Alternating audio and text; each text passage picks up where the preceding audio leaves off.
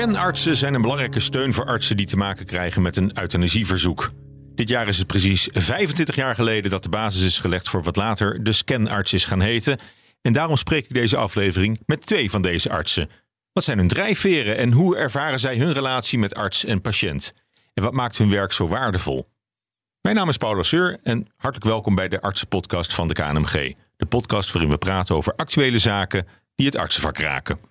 Deze keer doe ik dat met Marten de Wit, scanarts, internationaal huisarts en lid van de RTE, Regionale Toetsingscommissie Euthanasie. Welkom, goed dat je er bent. Dankjewel. En Anneke van Bemmel Uitenhout, zij is scanarts, palliatief consulent en voormalig huisarts. Hartelijk welkom. Ja, dankjewel. SCEN, S-C-E-N, staat voor steun en consultatie bij euthanasie in Nederland. Als een arts een euthanasieverzoek krijgt, moet hij een onafhankelijke arts raadplegen. En daarvoor kan hij een beroep doen op een scanarts. Leg ik het zo goed uit wat, uh, wat de basis is? Dat klopt helemaal. Ja, dat klopt helemaal. Of, uh, of zit er ook nog wel meer achter? Het is natuurlijk een beetje een technische omschrijving nee, van, van wat jullie doen. Zowel de steun als de consultatie zijn uh, een belangrijke pijler. Ja, en uh, dus als je steun wil of advies in een casus, dan, dan kun je ook altijd met een scanner zeker, stellen. Zeker, zeker. Ja, dat kun je wel goed benadrukken ook, want dat, is, dat wordt wel eens vergeten, ja. denk ik. Zeker, hè? laagdrempelig ja. contact opnemen kan ja. altijd. Hè, er is altijd dus een dienstdoende veel, scanner. Veel huisartsen hebben jullie telefoonnummer op de koelkast. Uh. Dat nee, niet? Nee, nee, nee, dat, dat zou net iets te laagdrempelig zijn. Maar er is een, een dienstenstructuur. Hè, dus je kan altijd een dienstdoende scanarts bereiken hè, via een algemeen telefoonnummer. Dat ja. wordt opgenomen en er wordt een dienstdoende scanarts wordt opgeroepen. En die belt dan zo gauw mogelijk de arts terug die een vraag heeft. En een scanarts heeft, heeft heel veel ervaring met, uh, met euthanasie, met de euthanasiepraktijk. Dus ik kan me voorstellen dat het een voor de hand liggende uh, keuze is om een scanarts te bellen als je, als je twijfels hebt als, uh, als arts. Um, maar het hoeft niet een scanarts te zijn. Je zou ook een, een andere collega kunnen bellen, denk ik. In de wet staat niet dat het per se een scanarts moet zijn. Maar in de praktijk is het wel zo dat het eigenlijk altijd een scanarts is. Ja, ik denk ook dat je vragen krijgt van de RTE als het geen uh, officiële scanarts is. Ja. Vroeger, ja. nou ja, dat, dat, is ook een van de redenen dat, dat we zo blij zijn met Scan Nederland. Want voordat de wet er was, mm. werd euthanasie gedoogd. En moest je ook al een tweede mening hebben mm. van een collega. Maar dat kon dan gewoon de collega uit de Hago zijn. Ja. Dat hebben we ook gedaan. En of een chirurg die een patiënt van mij onder zijn hoede had in het ziekenhuis die euthanasie wilde. En dat wilde de chirurg ook uitvoeren. Dat was ook wel bijzonder. En waar die mij vroeg als tweede mening, heb ik gedaan. Mhm. Achteraf denk ik van nou, dat is toch... Uh, ja, ik ben zo blij dat we nu onafhankelijke scanarts hebben. Ja. Dat je gewoon ja. gebeld wordt door iemand, nou ja, at random zeg maar. Ja. En, en worden, worden jullie vaak gebeld? Um, het is een dienststructuur waarbij je uh, één keer per kwartaal heb je een dienstweek, de de voorwacht. En één keer per kwartaal heb je een achterwachtdienst. Um, en dan krijg je dus alle telefoontjes van jouw regio, hè, als er artsen zijn die een vraag hebben of een euthanasie willen gaan uitvoeren. En dat, ja, soms is het rustig en soms loopt het enorm storm. Dus Ja. dat, dat is heel verschillend. Ja. En uh, ver, verheug je altijd op die dienst of niet? Wat, wat, hoe, uh, hoe, sta je daarin? Goeie vraag. ja, eigenlijk wel. Eigenlijk wel. Ik vind het ja, ontzettend leuk en interessant om te doen. Uh, maar je moet het wel altijd combineren met je andere werkzaamheden. Want ja, daarnaast heb ik ook gewoon een huisartsenpraktijk. Nou ja, en met je gezinsleven. In mijn geval en, nog en een jong, ja, dus, dus, ja. jong gezin inderdaad. Ja. Um, dus het, als het dan inderdaad echt storm loopt, dan gaat het wel echt in de late uren, zaterdag en zondag, uh, doorwerken. Uh, maar ik heb het er graag voor over. Ja, ja nee, het is, het is bijzonder werk, lijkt me. Het is, het is niet alleen. Het is, het is niet, niet, niet, niet somber. Ik kan me wel voorstellen dat het, het kan het emotioneel worden. Jawel, het kan zeker emotioneel worden als het een uh, ja, iemand of, of een patiënt is die je erg raakt op de een of andere manier. Ja, nee, het kan zeker emotioneel Hmm. worden. En het is een intensieve traject wat je hebt. Hè? Je, je, je praat een uur, je hebt je reistijd heen en weer. Dat is natuurlijk het minst intensieve, maar goed. Uh, dat uur praten is, uh, ja, meestal ben je toch zeker wel een uur aan het praten. En het verslag schrijven is ook een hele intensieve klus om dat netjes en uh, ja, goed te doen. Ja, dus het is echt wel een hele, hele intensieve klus eigenlijk. Klus, ja, zeker. Keer weer. Uh, nou, nou ben jij scanarts van het eerste uur, Anneke. Al voordat het scanarts heette, was ja. je hier eigenlijk al, al in actief. Uh, waarom wilde je dit zo graag doen? Ja, nou ja, vanuit je ervaring als huisarts uh, en einde van het leven vraagstukken. Eh, was ik eigenlijk altijd al wel mee bezig. En op de een of andere manier ben ik toen gerold in het eh, onderzoek van Van der Wal en Maas. Ehm, wat in de jaren negentig is gedaan als voorbereiding op de wet. Heb ik toen eh, me aangemeld en een training gehad. En heb ik mensen geïnterviewd door heel Nederland over euthanasie. En dat was zo'n indrukwekkende ja, belevenis eigenlijk. Die interviews, je kreeg een goede interviewtraining. Wat, wat maakte veel indruk op je? Ja, zoals mensen toen, was er nog geen wet, Mhm. toch eh, die, eh, eh, hun patiënten hielpen. Zowel toch ook specialisten een aantal, maar vooral huisartsen. Vond ik echt heel dapper, ook hoe die hun... Mhm. ja, Want, je riskeerde strafvervolging. zeker. Ja. Je moest het echt heel zorgvuldig doen. En dan hopen dat, ja, dat het geseponeerd werd of dat, het, dat er verder... en dat werd gelukkig ook wel merendeels hoor. Maar ja, toen was ik blij dat die wet eraan Mhm. zat te komen. En Ja. ook gekomen is. Wat, wat- heb je je vaak ehm, eh, bedreigd eh, gevoeld door, door zeg maar, eh, voor strafvervolging of, of anderszins? Nee. Of oh, ja, ik, ik neem aan dat je, dat je zelf zo zorgvuldig die afweging maakt. Ja. Dat je ook denkt van nou dat. Maar je was altijd weer blij als die brief kwam van het is goed. Ja? En dat heeft een tijdje heeft dat heel lang geduurd. Duurde het weken, weken voordat we ook maar iets hoorden van de RTE. En dat waren wel, toch wel spannende weken. En eh, je was altijd weer blij als je eh, nou ja, het verlossende woord kreeg van Mhm. eh, het is goed. Ja, en is, is, dat, is dat nu geregeld? Dat je, dat je niet meer daar, daar bang voor hoeft te zijn? Wel, nee, je, je hebt natuurlijk ook meer ervaring en je weet gewoon als er geen vragen of als het Hmm. een, zeg maar een euthanasieverzoek is die eigenlijk goed aan alles voldoet, dan hoef je eigenlijk niet bang te zijn dat er iets niet Ja. goed is. Ja, en uh, Marten, jij bent vijf jaar geleden begonnen als, uh, als. Toen, toen was je eind 30. Uh, Klopt. Wat, wat, was jouw drijfveer als, als jonge arts om, om je eigenlijk al met deze nou, ook, ook zware kosten Ja. wel, wel te, te, willen bemoeien? Nou ja, dezelfde fascinatie eigenlijk ook voor de palliatieve zorg. Um, dus eigenlijk vrij snel na mijn opleiding wist ik al dat ik ook scanarts wilde gaan doen. Um, ik vind de palliatieve zorg een van de mooiste onderdelen van het huisartsenvak. Waarbij je soms ook wat tijd hebt voor verdieping, je patiënt nog beter leren kennen en begrijpen. Um, het is een kwetsbare periode voor mensen. Mm. Ja, mensen gaan meer voor bezinning hun leven bekijken en zijn ook vaak bang. Dus je kan heel veel doen als arts voor een patiënt in die fase. En inderdaad, in euthanasietrajecten ben ik toen meerdere keren met scanartsen in aanraking gekomen. Ja, het is een soort palliatieve zorg mini. In één gesprek moet je eigenlijk die verdieping bereiken met de patiënt. Je moet echt kijken van, goh, wat, Mm. waarom vraagt deze patiënt op dit moment euthanasie? Ja, dat is natuurlijk heel persoonlijk. Dus dat, dat Mm. vond ik ontzettend boeiend. Uh, als kind wou ik altijd arts of schrijver worden. Dus ook het, het, het interviewgedeel van Scan staat Ja. me aan. Dus het is een soort interview. Hè? Hoe, hoe haal ik alle informatie die ik nodig heb uit deze patiënt? En maak ik dat daarna in een mooi verslag, wat Mhm. recht doet aan de patiënt. Probeer ik wel altijd. Dat het niet alleen maar routine Ja. eh, blijft. Ik, ik dacht eigenlijk dat jullie werk meer gericht was op de arts, op de collega, dan op de patiënt. Maar Mm. eh, tot nu toe hoor ik jullie eigenlijk alleen over, over dat gesprek met, met de patiënt. eh. Het gesprek met de patiënt is wel het grootste deel van wat je doet. Ja. Maar inderdaad, je bent er eigenlijk voor de arts. Ja, hè? Ik zeg als, als uitvoerend arts, als huisarts, is jouw eerste prioriteit de patiënt. Daar doe je het voor. Hè, dat is je eerste prioriteit. En als scanarts inderdaad voor de arts. Wat is de vraag van de arts? Hoe kan je de arts helpen Mhm. in het proces? Hoe kan je de arts beschermen tegen fouten, Mhm. tegen dingen waar hij later last mee krijgt? En is, is dat ook een aspect wat jullie eh, aanspreekt? Ik, ik neem maar staan van wel. Eh, dit, dit is heel waardevol, denk ik, contact met collega's ook. Zeker, zeker. Je, zeker, ja, je hebt zoveel soorten collega's. Dat is ook wel bijzonder. En enkele keer kom je inderdaad een collega tegen dat je denkt van... eh, had iets ruimere bocht genomen via de palliatieve zorg. Mm. En niet meteen eh, naar euthanasie, hè, waar de patiënt om vraagt. Of ja, dat ligt ook een beetje aan hoe je als arts een, pa- een patiënt begeleidt. Mm. Hè, als je daar, eh, ja, als je meteen zegt autonomie voor alles en zelfbeschikking eh, is groot goed. Dus dan Ja. ga je meteen mee met die vraag. Maar goed, ik, ik kan me voorstellen dat je evengoed wel eens ehm, daar invloed op kunt uitoefenen. Zeker, en dat vraag ik tegenwoordig. Dat heb ik inderdaad ook moeten leren. Van tevoren even aan de collega-arts die mij eh, geraadpleegt. Van vind je het goed dat ik ook eh, eventueel adviezen geef als ik merk van, eh, Mhm. nou ja, doe dit Er, of dat er, zijn, nog. er zijn nog andere opties. Andere opties, of voor nu of voor de komende tijd, Ja. als het nog niet helemaal uitgevoerd wordt.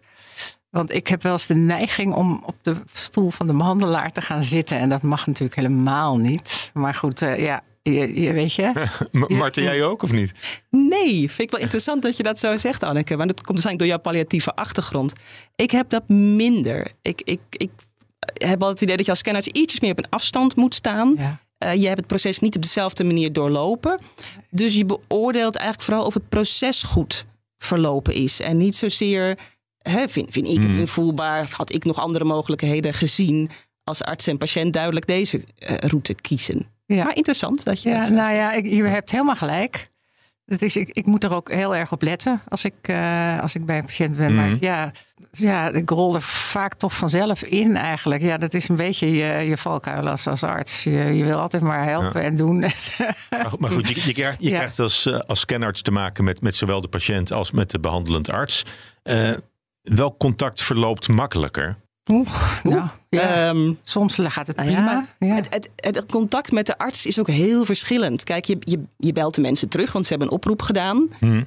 En de ene keer zit zo'n arts midden in zijn spreekuur eigenlijk. En zegt uh, in, in een paar zinnen: Ja, ik heb die en die patiënt. Ga je daar langs? Want uh, die wil euthanasie. En ik stuur de papieren wel. Doei doei. Ja. want ik moet nu verder. Want ja, ja, artsen hebben het ook druk. Uh, dus dan moet je wel soms pauzeren. Zeg ik, ik bel je later terug op een rustiger moment. Dat we er even iets langer over kunnen praten. Dus dat zijn de artsen die eigenlijk al precies weten wat ze willen. En gewoon de procedure regelen. En je hebt ook soms jonge artsen die zeggen: Ja, ik heb een scanverzoek. En ik weet het eigenlijk nog helemaal niet zo, zo goed. Uh, en dan is het juist leuk om dat weer uit te diepen in een wat langer gesprek. Mm. Waar zit je twijfel? Wat, uh, hè, wat, wat maakt. Oh, dus je hebt wel heel duidelijk zeg maar, de, de inhoudelijke vraag en, en de, de consultatie echt van een collega-arts. Maar je hebt ook mensen die, die eigenlijk de procedure afvinken. Zeker. Een beetje oneerbiedig ik denk, Ik denk de, de meeste. Ja, ja de meeste wel. Ja, ja. denk ik ook hoor. Absoluut. Ja. Ja. Je bent een stap in het proces. Maar ja, daar is ook niks mis mee. Ja. Kijk, um, ieder mens is natuurlijk uniek en elk sterfsproces is uniek. Maar als je hier wat langer in zit, ja, dan zijn natuurlijk ook wel, ja, helaas ook wel standaard dingen. Mm -hmm, van mensen die heel goed wilsbekwaam zijn, die precies weten wat ze willen, die uitgezeide maligniteit hebben. Um, ja, dan ben je inderdaad een vinkje, maar dat is niet erg. Mm. Ja. Hm. ja. en toch kom je dan ook nog wel eens tegen. Uh, dat, grappig dat ik het vandaag ook weer las in een artikel. Dat je daar zit en denkt van ja, eigenlijk heb je, begrijp ik het heel goed en alle voorwaarden voldaan. Maar je merkt dat de familie er nog helemaal niet aan toe is. Hm. die begrijpen het wel, maar nee, die zijn er gewoon nog helemaal niet aan toe. En heb ik ook wel eens meegemaakt. Dat ik zeg van ja, hm. weet je, ik begrijp heel goed je vraag. En uh, nou ja, maar geef je familie ook even de tijd om eraan te wennen. En toen ik dat teruggaf ook aan de huisarts, ging die er ook een beetje van uit. Ja, maar het is toch de wens van de patiënt en die is hm. autonoom. En we hebben niet, ik heb niet met de familie te maken, maar je hebt toch wel met de familie te maken. Ook ook als huisarts. Mhm. Ja. En dat is... als, als scanarts ook? Praten jullie wel eens met familie? Of ja, zeker. Is dat, uh, nee, ja. We praten altijd met familie. Ik, tenminste, ik praat altijd met familie en patiënt. Ja, en, en dan moet, moeten we, maar dat willen we ook, mm. uh, onder vier ogen met de patiënt praten. Mm. En, ja. Maar nog even terug naar jullie motivatie om dit werk te doen. Want als arts ben je natuurlijk opgeleid om mensen uh, te genezen. Wat maakt het voor jou dan, Marten, waardevol om uh, patiënten te begeleiden, juist op het moment dat het niet meer om genezing gaat? Ja, de twee zijn niet in, in tegenstelling, vind ik. Uh, je, je hebt nou ja, gezworen om de patiënt te helpen. En dat doe je tot het einde toe. En soms is, als het een ondraaglijke situatie is en de patiënt zegt: Ja, ik heb misschien nog zo en zo lang te leven, maar dat leven heeft geen enkele waarde meer voor mij. Dan is het ook helpen. als je iemand helpt, dan op een rustige manier uh, uit het leven te stappen. Ik, ik, ik, ik zeg vaak tegen patiënten dat het woord euthanasie komt van euthanassos. En dat betekent goede dood in het Grieks. En ja, voor mensen die een euthanasie meegemaakt hebben, gaat het heel mooi. Uh, dus ja, ik vind dat helpen. Zeker, ja, dat ben ik helemaal met je eens. Je, vaak heb, merk je ook dat patiënten het al eerder hebben meegemaakt bij een uh, naaste. En dat ze gewoon heel, ja, heel fijn vinden zoals het gegaan mhm. is. En dat zelf dan ook uh, voor zichzelf dan ook graag zouden willen. Ja. Zeker, het is ook een goede dood. En we zijn daar inderdaad om mensen te begeleiden, niet zozeer om te genezen. Ja. Denk ik. Ja. En ik kan me ook niet voorstellen om in een land te leven waar dat niet kan. waar die mogelijkheid er niet is. Waar je tegen mensen zegt, ja, je moet gewoon de hele rit uit. Voor mij zijn er meer landen waar het niet kan nee, dat, dan waar het wel kan natuurlijk. Maar dat, dat, dat gaat nog steeds mijn verstand te boven. En daarom wil ik ook mijn steentje bijdragen aan de euthanasie uh, in Nederland. Ja. Omdat ik daar inderdaad uh, ontzettend in, in geloof dat die optie er moet zijn voor mensen. Ja. Dat is enig activisme bespeur ik bijna daarin. Eh. Wil je hier ook echt de, de, barricades voorop? Is, is het iets waar je, waar je echt heel erg ja, sterk voor wil nou, maken?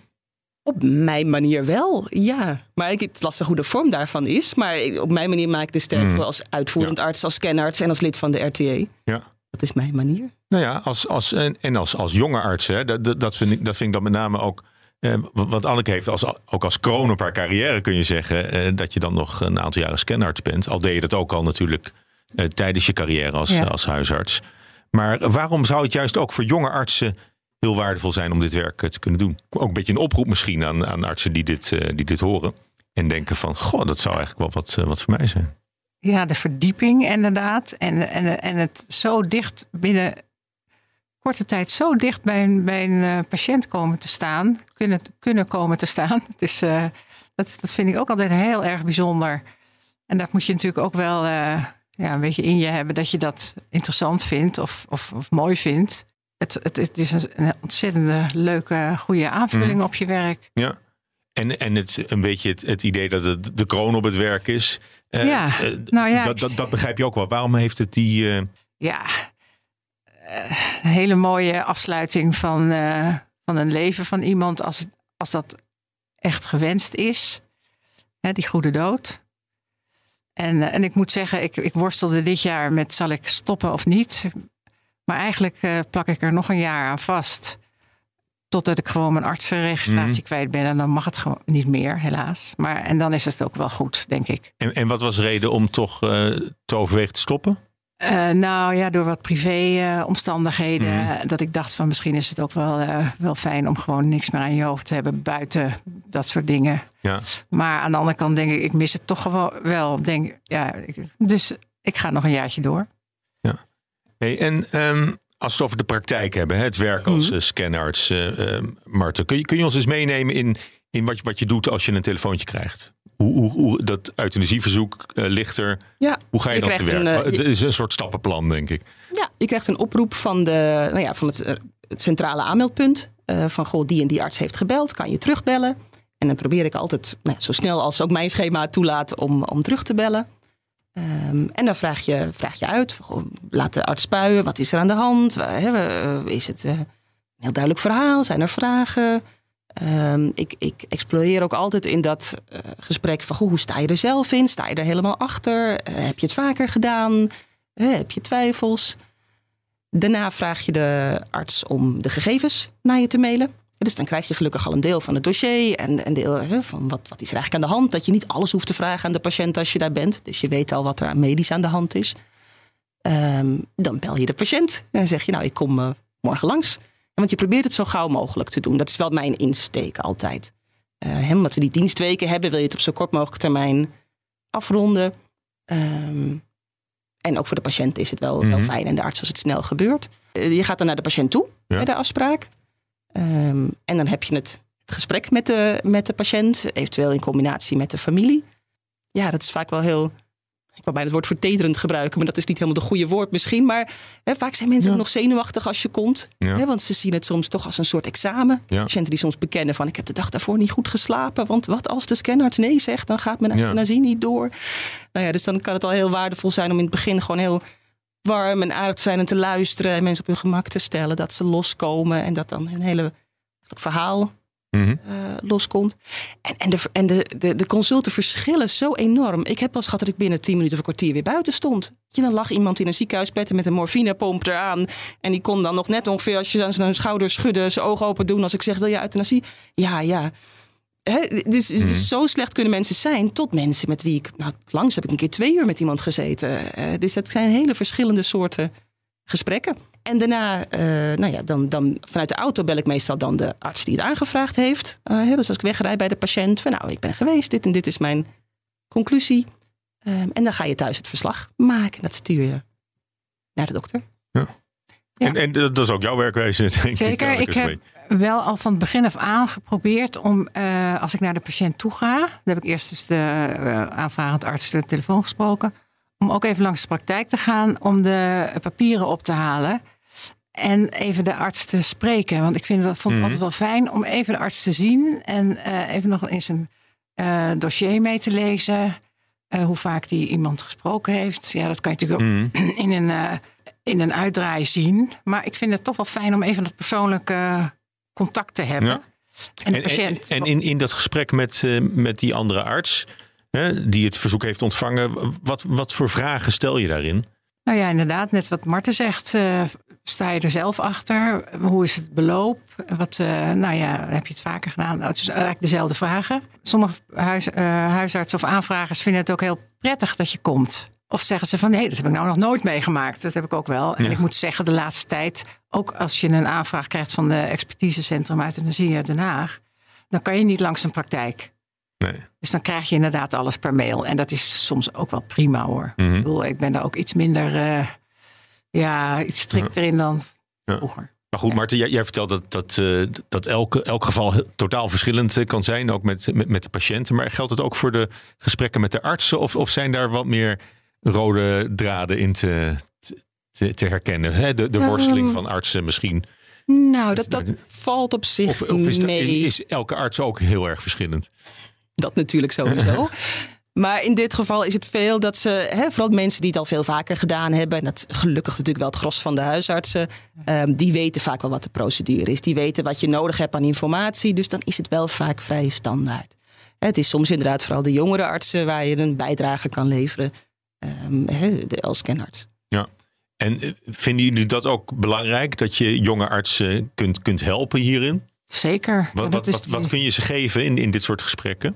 Nou, het, het, het, het, sparren, het, eh, het, uitvragen.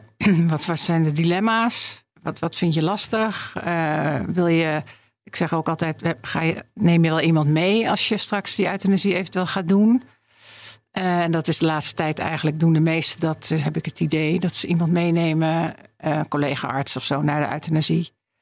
En soms, oh ja, is dat ook een eye-opener voor sommige artsen om eh, te horen van ja, dat is eigenlijk wel een goeie om iemand mee te nemen en ik ga het proberen te regelen. Nog helemaal niet aan gedacht. Eh, zo, dus dat zijn de, ja, Ja, Marten? Ehm, nou ja, ik, ik denk dat het ook wel heel belangrijk is dat jonge artsen daar goed in begeleid worden. Ehm, omdat je eh, een tendens hebt nu met het expertisecentrum euthanasie, wat er natuurlijk is. En dat is natuurlijk nou, heel prettig dat dat er is. Want vroeger was het zo dat als je eigen huisarts geen euthanasie wou doen, nou ja, dat je eigenlijk pech had, meestal. Hè, dan kreeg je geen euthanasie. En nu kunnen mensen zich aanmelden bij het expertisecentrum. Hè, dus er is een andere route voor de patiënt. Dus op zich prettig. Maar wat je wel eens ziet, is dat als jonge artsen veel schroom hebben, hebben het nog nooit gedaan, vinden het toch spannend of eng. ehm, dat er dan toch een soort uitweg is. Van ja, ik doe het niet, patiënt, eh, meld u maar aan bij het expertisecentrum euthanasie. Terwijl het veel fijner is als de vertrouwde huisarts die de patiënten goed kent, het uitvoert. Ehm, en, en dus als je mensen zo kan helpen en juist een beetje die schroom overwinnen en over Ja. de streep nou ja, helpen. Ja. Ik als ze het echt niet willen doen, willen ze het niet doen. Maar als het puur is door angst of, of onbekendheid, dan, dan kan je veel betekenen. Ja, dat doet het eh, expertisecentrum zelf ook trouwens. Hè. Die proberen altijd bij de huisarts te peilen van waarom doe je het niet zelf en kunnen we je anders helpen. En die gaan dan samen op pad. Ja, straks eh, praat ik eh, verder met Marten de Wit, scanarts en daarnaast huisarts en lid van de RTE, de regionale toetsingscommissie euthanasie. En Anneke van Bemmel Uitenhout, scanarts en voormalig huisarts. Maar eerst gaan we naar eh, Simone Madunic, algemeen secretaris bij de RTE, regionale toetsingscommissie euthanasie. Eh, dit keer dus eh, eenmalig niet onze tuchtrechter, die we normaal op deze plek eh, in de uitzending hebben. maar vanwege het thema van deze aflevering. Dus met de RTE. Welkom, Simone. Dankjewel. Hoi. En om te beginnen kun je kort uitleggen wat de RTE doet. Nou, de RTE is een onafhankelijke toetsingscommissie. en die ziet toe op de zorgvuldige euthanasiepraktijk in Nederland. En eh, jullie krijgen daar meldingen van binnen? Van, Wij van- krijgen van, de alle meldingen- Zeker. die worden gedaan. Ja, nou, als het goed is wel. ja, wij krijgen de meldingen binnen van de uitvoerende artsen. En dan eh, bekijken we of eh, de euthanasie zo is verlopen dat die in overeenstemming is met de eisen van de wet. Oké, en hoeveel meldingen zijn dat per jaar? Nou, afgelopen jaar hadden we 7666 meldingen. En dit jaar zitten we waarschijnlijk eh 8500 meldingen. Oké, vind je dat veel? Of weinig? Ja, dat, dat, dat is veel. Ja, Nou, 8.500 is, is veel, ja. ja, ja. En, en- maar sowieso, wat, wat, ehm, heb, heb je daar een idee over? Over eh, Nou, dat dat veel is of, of weinig? Of, Nou, eh, wij, wij zijn zelf niet. Wij, wij vinden dat eh, veel. We zijn zelf niet bekend met de redenen van de toename. Er is op dit moment een onderzoek. eh, dat is een vierjaarlijks onderzoek van een, van een evaluatiecommissie. Dat, dat, dat eh, vloeit voort uit de eh, euthanasiewet. Dat, dat is verplicht. En hoogstwaarschijnlijk wordt in dat kader ook aandacht besteed aan de vraag: waarom neemt het toe?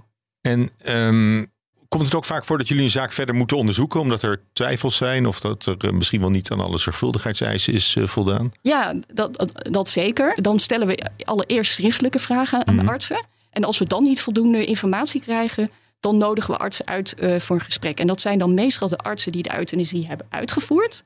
Maar soms ook scanartsen als we daar vragen aan hebben. Ja. En wat belangrijk is, eh, ja, is dat eh, scanartsen ja, hun verslag zo volledig mogelijk maken. Daar, hadden we het ook zojuist over. Hè. De, de- het is, ja, er is vaak ja, tijdgebrek, maar het is wel belangrijk dat die verslagen zo duidelijk mogelijk zijn. Dat is goed voor de uitvoerende arts, want dan kan hij goed reflecteren hè, en bekijken van nou, voldoe ik echt aan die eisen en wat vind ik er zelf van. En vervolgens ook voor de toetsingscommissie om te beoordelen of aan, aan die voorwaarden eh, vanuit de euthanasiewet is voldaan. Du- Dus een duidelijk verslag is, is heel erg eh, belangrijk. Wat mag er zeker niet ontbreken in dat verslag? Is, is, zijn er nou een paar dingen waar je, waar je naar kijkt van dat, dat moet er in elk geval eh, in terugkomen? Ja, de, de eisen uit de wet natuurlijk. Hè. Uitzichtloos lijden, eh, de wilsbekwaam. eh, nou, de, alle, alle eisen die daarin staan, dan, daar moeten, mo- moeten de arts, moeten scanarts op ingaan.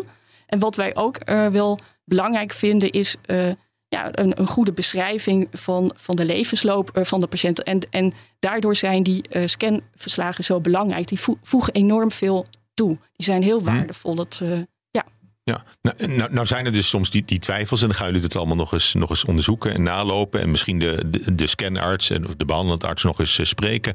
Hoe vaak leidt die procedure uiteindelijk tot, tot vervolging van, van de arts die het eh, heeft uitgevoerd? Nou, eh, vrijwel niet. De laatste keer dat er sprake was van een vervolging, dat geval kennen we allemaal. Dat, was, eh, dat heeft uiteindelijk geresulteerd in twee arresten van de Hoge Raad in 2020. En die arresten gingen over een arts die een euthanasie had uitgevoerd bij een oudere dame die eh vergevorderde dementie had en eh, ja, een wilsverklaring had opgemaakt. Mhm. En daarna eh, ja, heeft het Openbaar Ministerie alle zaken geseponeerd tot nu toe. Ja. Maar wel uiteraard eerst zorgvuldig onderzoek gedaan. Hè, dat, dat wel. En ook ik, verder is mij, zijn mij geen tuchtrechtelijke gevolgen bekend eigenlijk. Dus En, en zijn er nou in, in die verslagleggingen, zijn, zijn er nou zaken die, eh, die artsen misschien wel laten liggen, die eigenlijk makkelijk te verhelpen zouden zijn? Ja, dat, dat wel. Bijvoorbeeld zo'n onderwerp, dat kwam zojuist ook al eh, een beetje ter sprake. Hè? De, de onafhankelijkheid hè, van de arts, eh, van de scanarts ten opzichte van de uitvoerende arts en ten opzichte van de patiënt ook wel. Dat, dat zien we af en toe dat het daar de, de mist in gaat. Bijvoorbeeld dat een scanarts dan in de, eh, de huisarts is van de uitvoerende arts. Hè? En dan wordt er gezegd van, ja, maar we zien elkaar eigenlijk bijna nooit. Ik kom nooit op consult.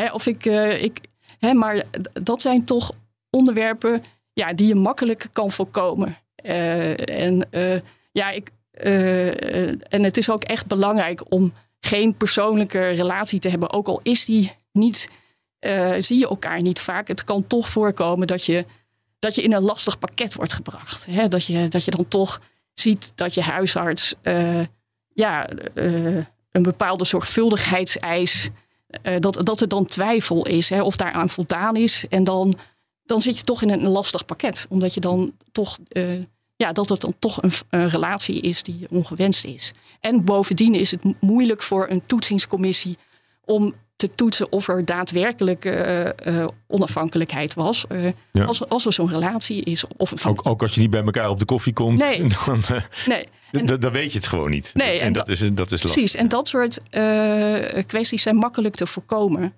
Dus mijn oproep aan alle scanartsen is: realiseer je dat, dan breng je de uitvoerende art- arts ook Mhm. niet in een lastig pakket dat die wordt opgeroepen voor een gesprek en dat er uiteindelijk een onzorgvuldig oordeel uitvloeit, wat niet nodig is. Ja, en nou is het. ehm, nou gaat het ook over gevallen waar- waarin eh, de zorgvuldigheidseisen bijvoorbeeld niet zijn nageleefd. Maar dat zijn echt uitzonderingen, krijg ik de indruk. Het is, over het algemeen is het een heel goed Ja, systeem en een goede procedure. En het is, het is Absoluut. zou, zou je zeggen dat het, die 25 jaar scanarts, dat, dat we het eigenlijk wel heel erg goed geregeld hebben zo? Zeker. Ja, op die manier is er draagvlak voor de euthanasiewet. En eh, ja, is het mogelijk voor patiënten om eh, euthanasie te, te krijgen. En eh, ja, dat, dat, de scan voegt enorm veel toe. Ja. Heb je nog ehm, als laatste concrete tips voor artsen die te maken krijgen met een euthanasieverzoek? Ja, als bijvoorbeeld een patiënt kampt met psychische klachten. En als eh, het euthanasieverzoek daar ook verband eh, mee heeft. Hè, soms is er sprake van een mix tussen somatische en psychische klachten. Maar als die psychische klachten een belangrijke component zijn. eh, zorg ervoor dat er dan ook een onafhankelijk psychiater wordt geraadpleegd. Dat je dat in ieder geval ja, adviseert. Dat de uitvoerende arts dat niet laat liggen. En dan nog een laatste tip. Lees de euthanasiecode. Als je helemaal goed wil zitten. Als je een euthanasie uitvoert. Of als je als scanarts een arts eh, adviseert. Het is een klein boekje. Makkelijk op onderwerp gerubriceerd. Kijk er even in. En dan zit je altijd goed. Helemaal zorgvuldig. Ja, belangrijk punt, eh, Ja. denk ik. Hartelijk dank, eh, Simone Madunic, algemeen secretaris van de regionale toetsingscommissie Euthanasie. Ik praat verder met eh, Marten de Wit, scanarts, daarnaast huisarts en lid van de RTE, de toetsingscommissie Euthanasie. En Anneke van Bemmel Uithout, ook scanarts, voormalig huisarts. Ja, jullie hebben meegeluisterd. Ehm, ja, eigenlijk aan jullie ook de vraag: heb je het idee dat er een goede procedure ligt? Is dit een goed systeem met die scanartsen? Zeker, zeker. Ja, die eh, onafhankelijkheid, onze vooropleiding, eh, waar, we op moeten, waar we op letten. Ja. Wat, wat, zei al van, ik kan me niet voorstellen om in een land te leven waarin het eh, niet kan. Ja. Eh, en waar het eh, al helemaal niet waar het zo goed geregeld is, denk ik. Zoveel duidelijkheid voor artsen ook. Wat Anneke vertelde hoe het was hiervoor. Ja, dat artsen allemaal ja, toch onduidelijkheid hadden. Hoe doe ik het? Hoe zorg ik dat ik, nou ja, dat ik er geen probleem mee krijg later? Nu weet de arts gewoon als hij zich aan dit Mm. stappenplan, aan dit protocol houdt, hè, dan, nou, Ja. dan zit je in principe Ja. goed. Maar goed, dat, dat moet dan wel nog gebeuren. Hè? Maken jullie ook wel eens mee dat artsen eh contrair gaan en zeg maar, jullie advies niet, eh, niet opvolgen?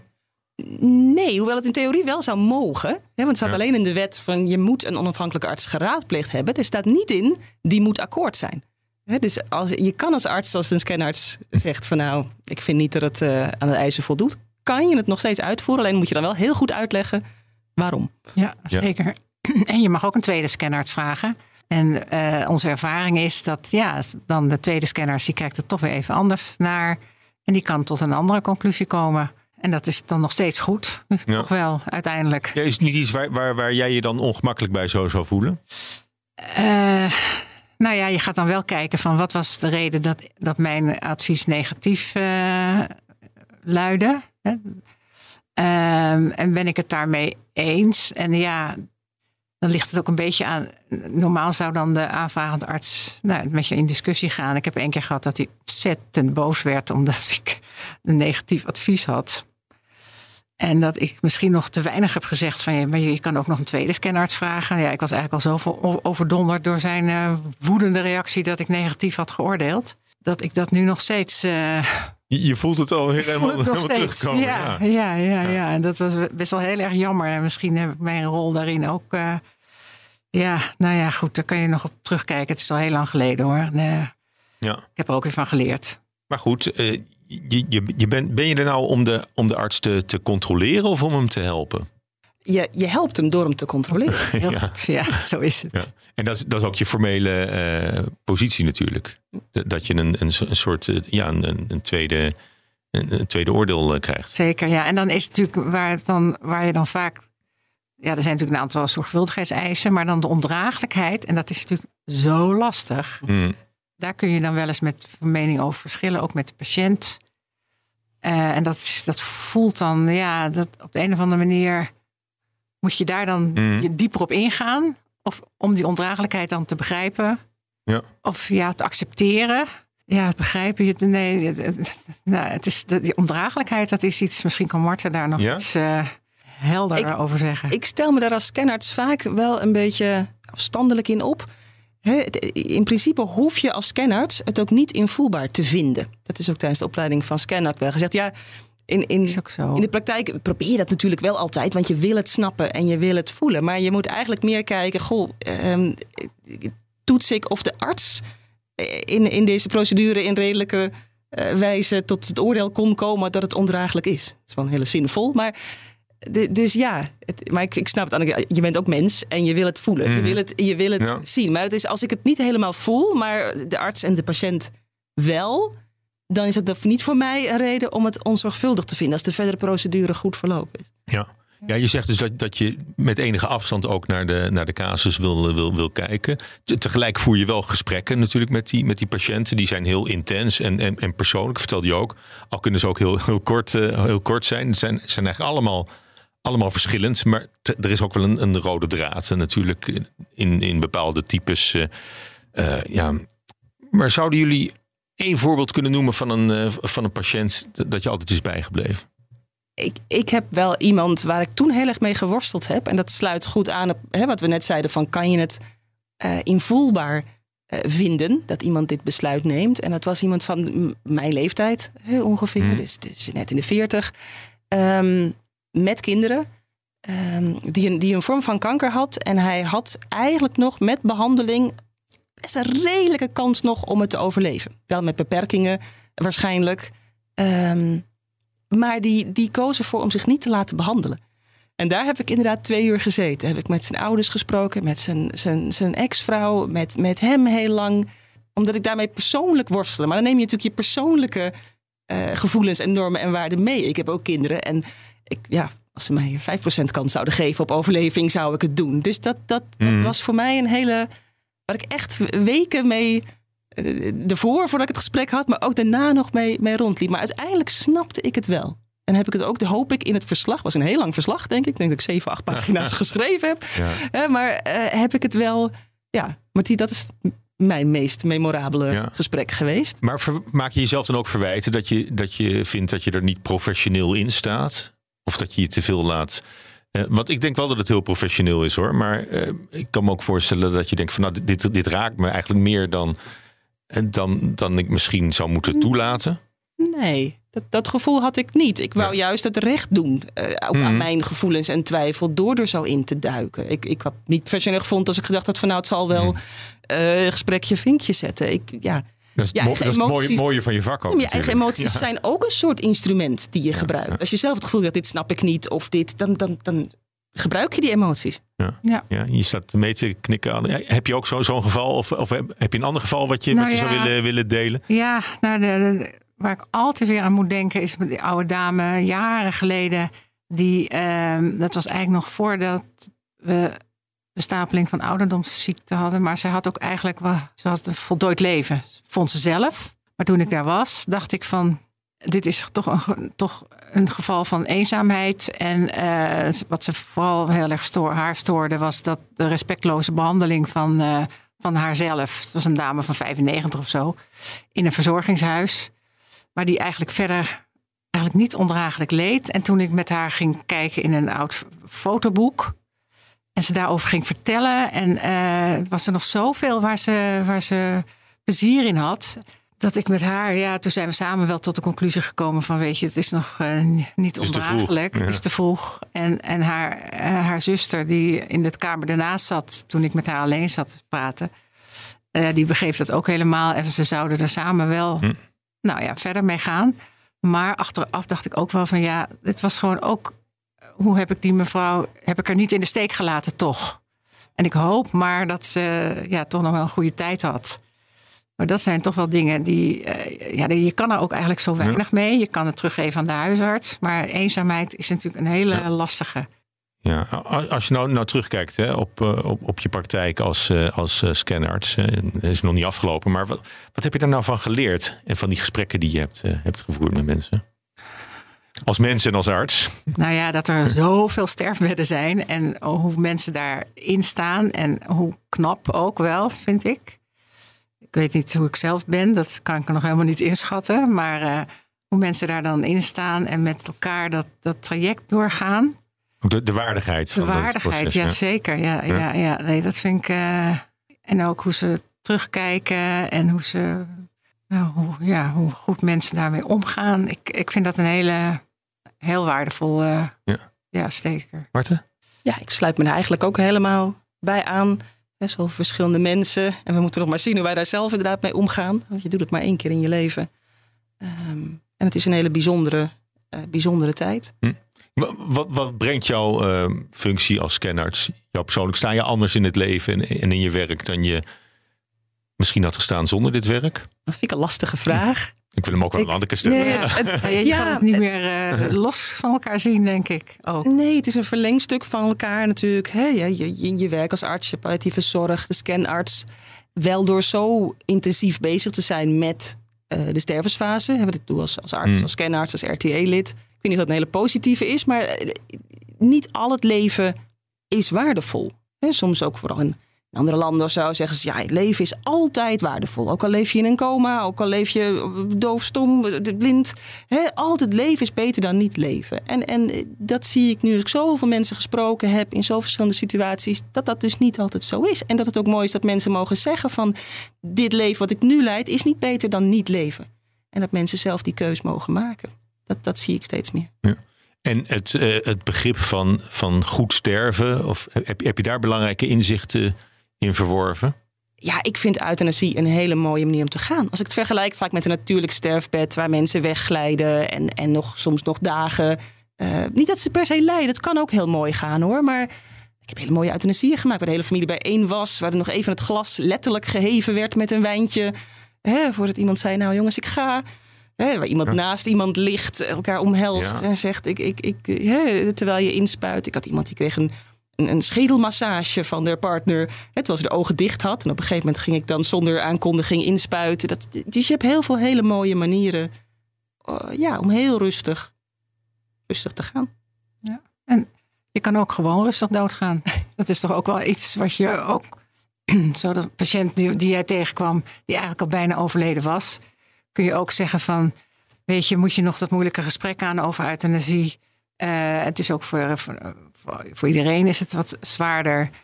Help iemand nou op een goede manier ook om te overlijden zonder euthanasie. Ik bedoel, dat kan ook. En zeker sommige gevallen die al zo ver heen zijn dat je denkt van, nou, weet je, kijk, eh, ga gewoon naast die patiënt zitten als Mhm. familie. En al duurt het een dag of twee, is ook helemaal niet erg. Ik bedoel, eh, niet iedereen kan dat. Ja, maar toch moet je ze daar ook als arts dan als huisarts in begeleiden. Hm. En eh, moet je dat hele gedoe met eh, al die gesprekken weer niet eh, oprakelen en gewoon iemand Ja. laten gaan. Ja, maar tegelijk is het ook wel fijn dat ze de keuze hebben qua patiënt. Je hebt het over familie, maar die kiest natuurlijk niet. Nee. Dus het is helemaal waar hoor. Een, een, een natuurlijk sterfproces kan op zich ook heel erg mooi zijn als dat je keuze is. En dat is prima. Ja. Maar het is zo fijn dat hier de keuze is. Mhm. Ja, zeker. En ja, en het is echt, het is echt deel van jullie eh, identiteit, hè, bijna. En, en in ieder geval van jullie werk als, als arts.